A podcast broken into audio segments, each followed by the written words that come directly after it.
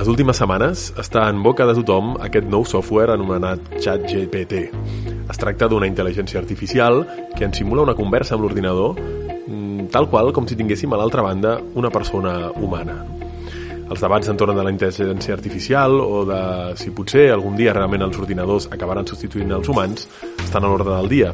I és per això que doncs, ve molt a tom que avui puguem comentar el nou quadern d'Extrema Justícia anomenat Sobre la tecnologia i que ha escrit el meu company, doctor Oriol Quintana. Benvinguts de nou al podcast Indefugibles. Indefugibles, el podcast de la Càtedra d'Ètica i Pensament Cristià de l'IQS, amb Xavier Casanovas i Oriol Quintana. Un podcast amb la col·laboració de Catalunya Religió. Si em permets que, que comenci corregint-te, Xavi, eh, has dit que aquest software eh, té la característica de, d'imitar, de tenir la capacitat d'imitar una conversa humana però en realitat va molt més enllà i el que el fa sorprenent i amenaçador és que de fet eh, és, eh, té unes habilitats avançades a l'hora de processar textos. És a dir, tu li pots demanar a aquest xat que et faci un poema i te'l fa una cosa potser no molt brillant, però, però efectivament un poema. I, o li pots demanar que et faci un article, un article acadèmic del tema que sigui i ell no? i la màquina busca entre altres articles acadèmics similars i et presenta, et presenta un paper doncs, eh, prou decent. No? Clar, aquí sí és on, di, on, et, fas, on et preguntes la tecnologia serveix per, per mm, augmentar les capacitats humanes o per disminuir-les? Serveix per estalviar feina, sí, d'acord, però fins a quin punt volem que ens estalviïn la feina? Perquè per una cosa que te l'estalviïn, l'altra és que te la treguin completament, no? Doncs aquest és un dels temes no? que, que apareixen, entre d'altres, entre molts altres, en aquest quadern que acabes de publicar i on intentes d'alguna manera fer una espècie de radiografia crítica del que significa la mentalitat tecnològica. Um, Clar, és molt interessant. Tu comences amb un exemple, no sé, pots explicar-lo o potser n'hi ha d'altres, que a mi m'ha semblat realment, realment il·lustratiu. Sí, l'exemple és el, de, el, el problema de tenir fills o de quedar-se embarassada una noia. Perquè el, el, bueno, la qüestió de tenir descendència eh, és complicada realment. Si et poses a pensar, hi ha molts passos intermitjos des de la idea de vull tenir fills fins a la realització. No? En termes no tecnològics comporta doncs el cas d'un de buscar-se un home que li convingui, que, sigui, que tingui la capacitat de tenir fills, això per començar, cosa que a vegades no se sap de priori, després que, la, bueno, que sigui una persona decent amb la que es pugui conviure, que més t'agradi i que més tingui possibilitats de ser un bon pare perquè es tractarà de fer la criança. Per tant el procés ja de selecció pot ser molt llarg o pot trigar anys. Eh, després bueno, el problema de quedar-se embarassada que no, no és tan evident no? Eh, en canvi, la tecnologia ens ofereix, en el cas de la inseminació artificial o fins i tot de l'autoinseminació artificial, la possibilitat de trucar a Dinamarca, enviar un correu electrònic a un banc d'esperma i en, al cap de poques hores tenir una mostra d'esperma per inseminar-se una mateixa. De fet, de manera que en una tarda pots tenir solucionat el problema de tenir fills o de...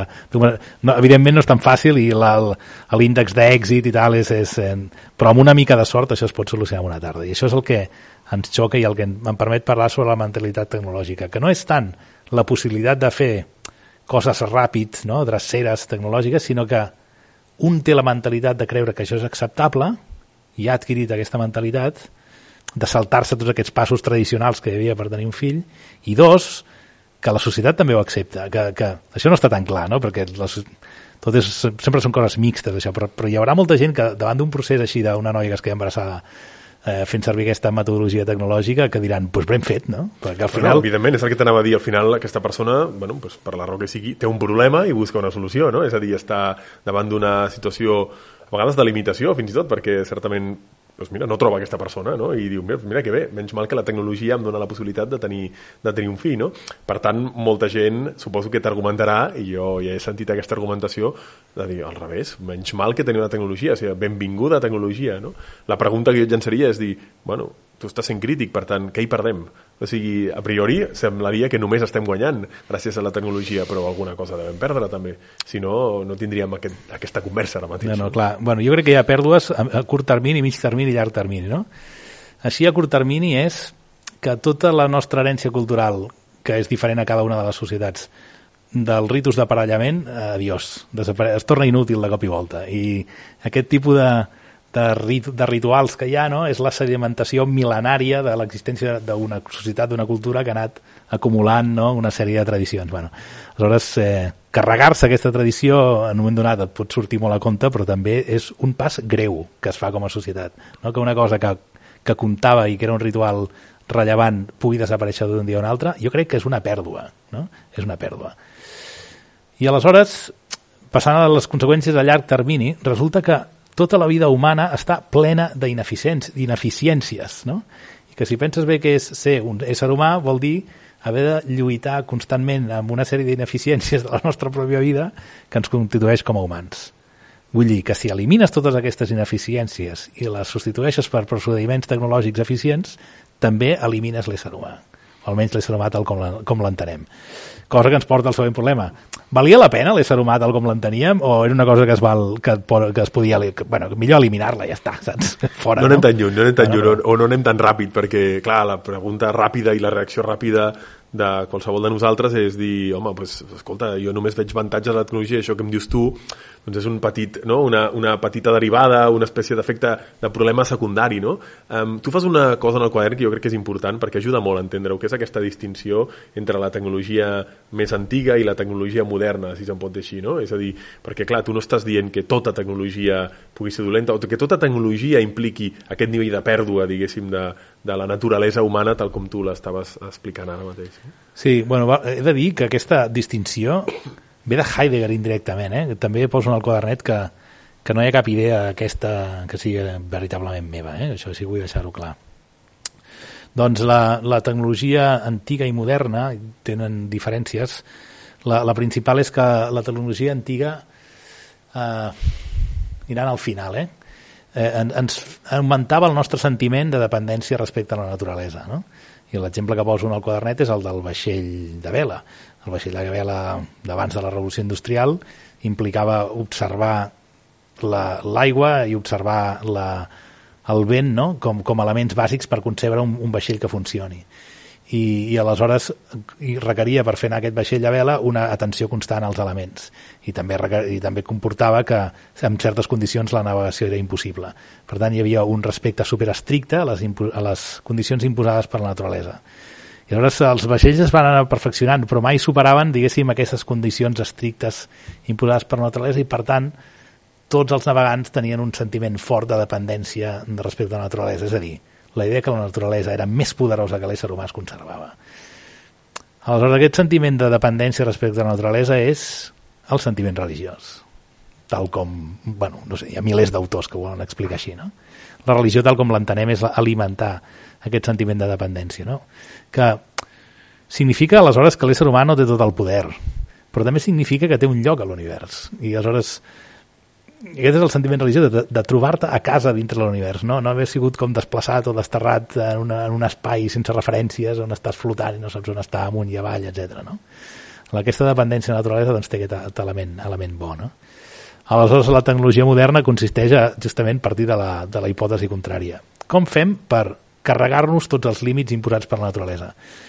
Mm, i l'exemple per ser, un altre exemple és el, el vaixell amb, amb, amb motor d'explosió que de fet de ferro que permet que sigui enorme perquè es pot moure gràcies que tenim una, una energia doncs, que és eficient i que el permetrà, bueno, gairebé no té cap límit, no? i després, per tant, podrà sortir enmig de tempestes i d'onades enormes i tal. O la, o la, la presa no? que pot retenir tot el, tot un, el cap dalt d'un riu, inundar una vall, i després la podem disposar allò per regular l'aigua com vulguem i per, per generar electri energia elèctrica. No? O sigui, el, el límit el, de l'aprofitament el posem nosaltres i no va imposat per la naturalesa. Bueno, això ens dona molt de poder als éssers humans, però alhora va augmentant aquesta sensació de, de que no... Bueno, ens, no sabem a quin lloc ocupem a l'univers, no? De sobte adquirim un poder enorme i no tenim cap referència per exercir-lo exercir bueno, responsable. El lloc seria la centralitat, diguéssim. No? O sigui, sí, aquesta, aquesta aparició de la, de la tecnologia moderna va en paral·lel de d'una mirada al món que és bàsicament antropocèntrica i on l'ésser humà, on tot gira entorn al, a l'ésser humà, diguéssim, per tant el límit el posa a l'ésser humà, no? algú del que hem parlat ja en aquest podcast diverses vegades. No? I aleshores això té la... Clar, la ironia tot plegat és que la conseqüència lògica d'aquest augment de poder és que aleshores tens la capacitat de deixar enrere l'ésser humà, o sigui, de, de transformar-te en una altra cosa. I això és el que la majoria de les persones i molts autors contemporanis d'avui, no anava a dir contemporanis, molts autors d'avui, doncs diguéssim que estan espantats, no? Hi ha aquesta espècie d'idea de conservacionista de, hosti, posem un fre al que és el desenvolupament tecnològic perquè ja ens agrada l'ésser humà amb els seus defectes, no? tal, tal com està ara. El que és que és molt difícil defensar els defectes quan tu dius que l'ésser humà és el centre de l'univers i aleshores no, no s'han de posar límits al seu poder, no? perquè en, en, en, en base a què et pots autolimitar. No? És la, la cosa que no sap contestar l'humanisme. Uh -huh. Tu eh, explicites també un, bueno, diferents perills en aquest quadern respecte al que, el que perdem amb la tecnologia i també el que, els jocs o els debats en els que la tecnologia ens porta. No? Un d'ells a mi em sembla com bastant rellevant o m'ha agradat. No? Dius, moltes vegades eh, clar, la tecnologia és com una crossa, diguéssim, aquesta tecnologia antiga, com tu deies, és una crossa que s'adapta bé, diguéssim, amb, amb el medi natural, amb, amb la, eh, bueno, que fins i tot és, és evidentment sostenible i, i és possible, eh, la tecnologia moderna això ja no ho fa, eh, és més, diguéssim, no? A vegades ha semblat que l'ésser humà, a través de la tecnologia, el que ha intentat, o, o, o per culpa d'aquesta mentalitat tecnològica, com tu la definies, era solucionar tots els seus problemes. I molts d'aquests problemes no són de caràcter tècnic o pràctic, sinó que són de caràcter moral, no? És a dir, eh, jo per què faig una cosa o una altra, o quan faig el bé o quan faig el mal, no? I, i, i això enllaça amb aquesta qüestió que t'agrada tant a tu de la neutralitat de la tecnologia, no? I de quina manera doncs, la tecnologia juga o no un paper amb la nostra capacitat de fer el bé, fer el mal, o si ens ajuda a superar aquest dilema etern, no? Mm. Buf, a veure, eh, sí, sí que és veritat. Per una banda està això de la neutralitat de la tecnologia, que la gent, diguéssim, està atrapada en aquest esquema mental que diu que la, la, la tecnologia és neutra perquè depèn de com es faci servir, és bona o dolenta, que és simplement una frase mm, mal formulada, directament errònia, no? És a dir, el raonament és que si una cosa pot ser bona o dolenta, aleshores no es pot dir que és neutra. Eh? La neutralitat és una cosa diferent a això. Però el fet de repetir que la, és neutra perquè depèn de com es fa servir és bona o dolenta predisposa a desenvolupar la tecnologia perquè sí, eh? de qualsevol manera. Aleshores, un cop una tecnologia està desenvolupada, ja està tenint una, un efecte, ja està tenint efectes positius i negatius. No, hi ha, no existeix el moment neutre de la tecnologia. És a dir, fins i tot quan estem pensant en desenvolupar una tecnologia, aquesta, aquest pensament en desenvolupar una tecnologia que encara no existeix ja està afectant la forma com ens veiem a nosaltres mateixos, com funciona la societat. És a dir, no existeix el moment neutre de la tecnologia. Això a la gent li costa veure-ho i és l'error però també és una creença falsa aquesta, la de la neutralitat de tecnologia, que ha sigut necessària, diguéssim, pel sistema, per, per l'urbanisme, perquè la, la tecnologia es desenvolupi. Perquè si ja comencem sospitant de la tecnologia des del principi, que és el que realment hauríem de fer, no la desenvolupem, no? I jo vull pensar que això és el que li passava als antics grecs i a les societats tradicionals, que, que sospitaven de la tecnologia de forma doncs, molt sàvia, no? Uh mhm. -huh. Doncs això, per una banda, el de la neutralitat de la tecnologia, no? I per altra banda, la qüestió del bé i del mal. Això ja ho va dir Harari, no? És a dir, una de les, les seves obres ens ve dir la, la tecnologia no et donarà respostes en absolut. No, no et servirà per orientar-te sobre què has de fer. Ho has de tenir clar des del principi. Eh, si això hi hagués aquesta reflexió prèvia, això ens portaria a no, no fabricar certes tecnologies, si, si tinguéssim clar el que volem. No? La tecnologia mai et dirà què és el que has de desitjar o el que, què és el que vols tu, no? o el que realment és bo. Aleshores, a mi em dóna impressió que amb la creació de la intel·ligència artificial el que es vol és finalment poder abandonar la responsabilitat moral, és poder trobar un ordinador que et digui què és el correcte a cada, a cada moment. Aquí he de votar les properes eleccions, no? Aquí he de votar les properes eleccions. I això... Amb quina dona m'he de casar i...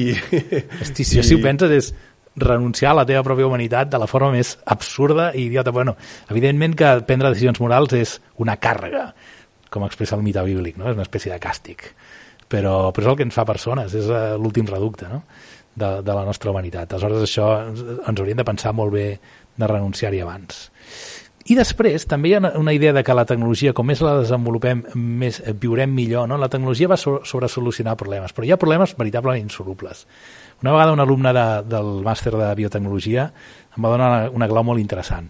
Imagina't que que desenvolupem la eh, recerca necessària per poder tenir humans avançats, és a dir, humans que no es posin malalts, una mica rotllo gàtaca, no?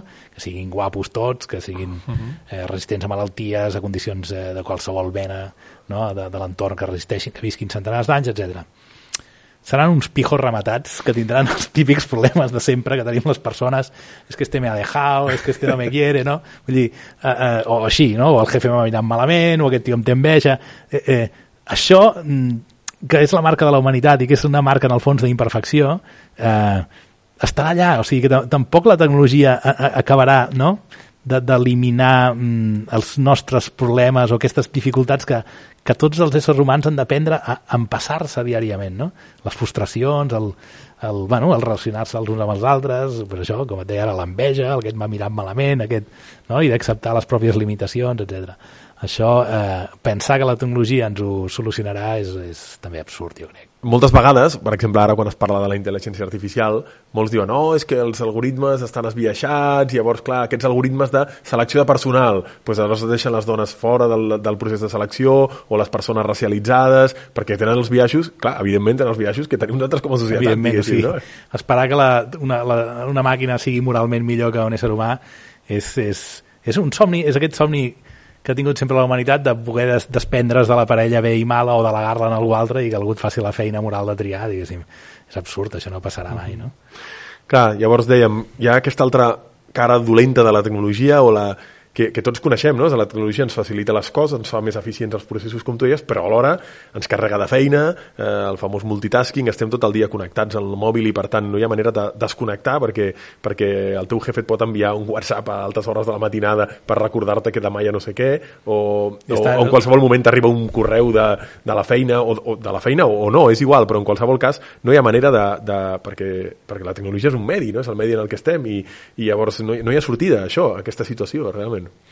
Sí, això és, això és una cosa a lamentar realment, eh? que la tecnologia ens enganxa, que estem tot el dia amb l'ordinador, que ens dona mala vida eh? al final perquè, perquè no saps ni com desenganxar-te ni desempallar-te, i notes l'estrès que s'acumula, etc. No? Veus els alumnes a classe que són incapaços d'atendre més de 20 minuts, bueno, per dir-te alguna cosa, a una atenció sostinguda en una cosa que es pot ser no, no, no emocionant, bueno, en fi.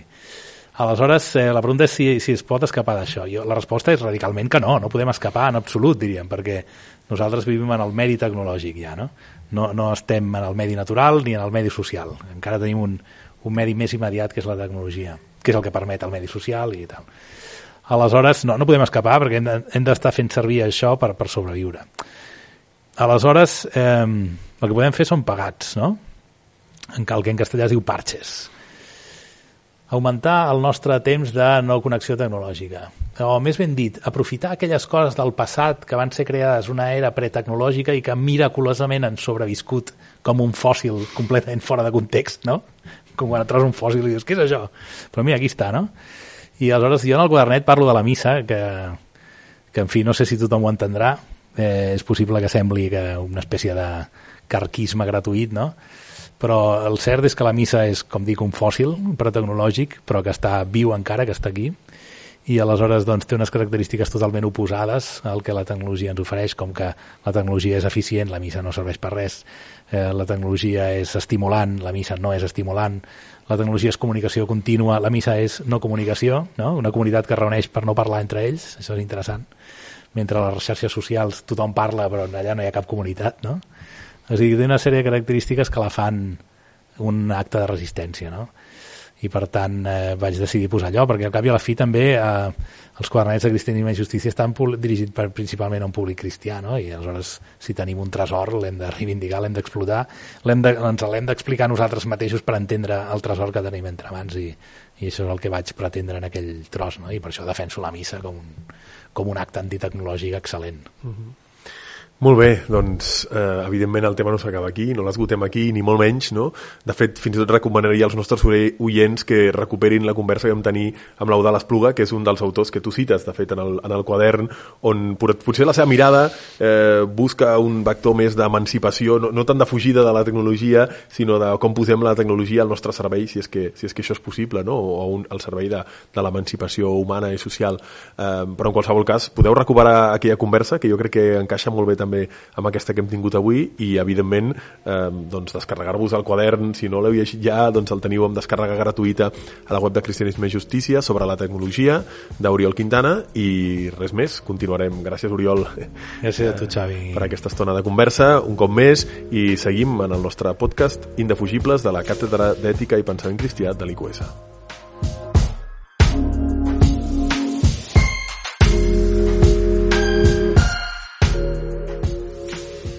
Catalunya Religió.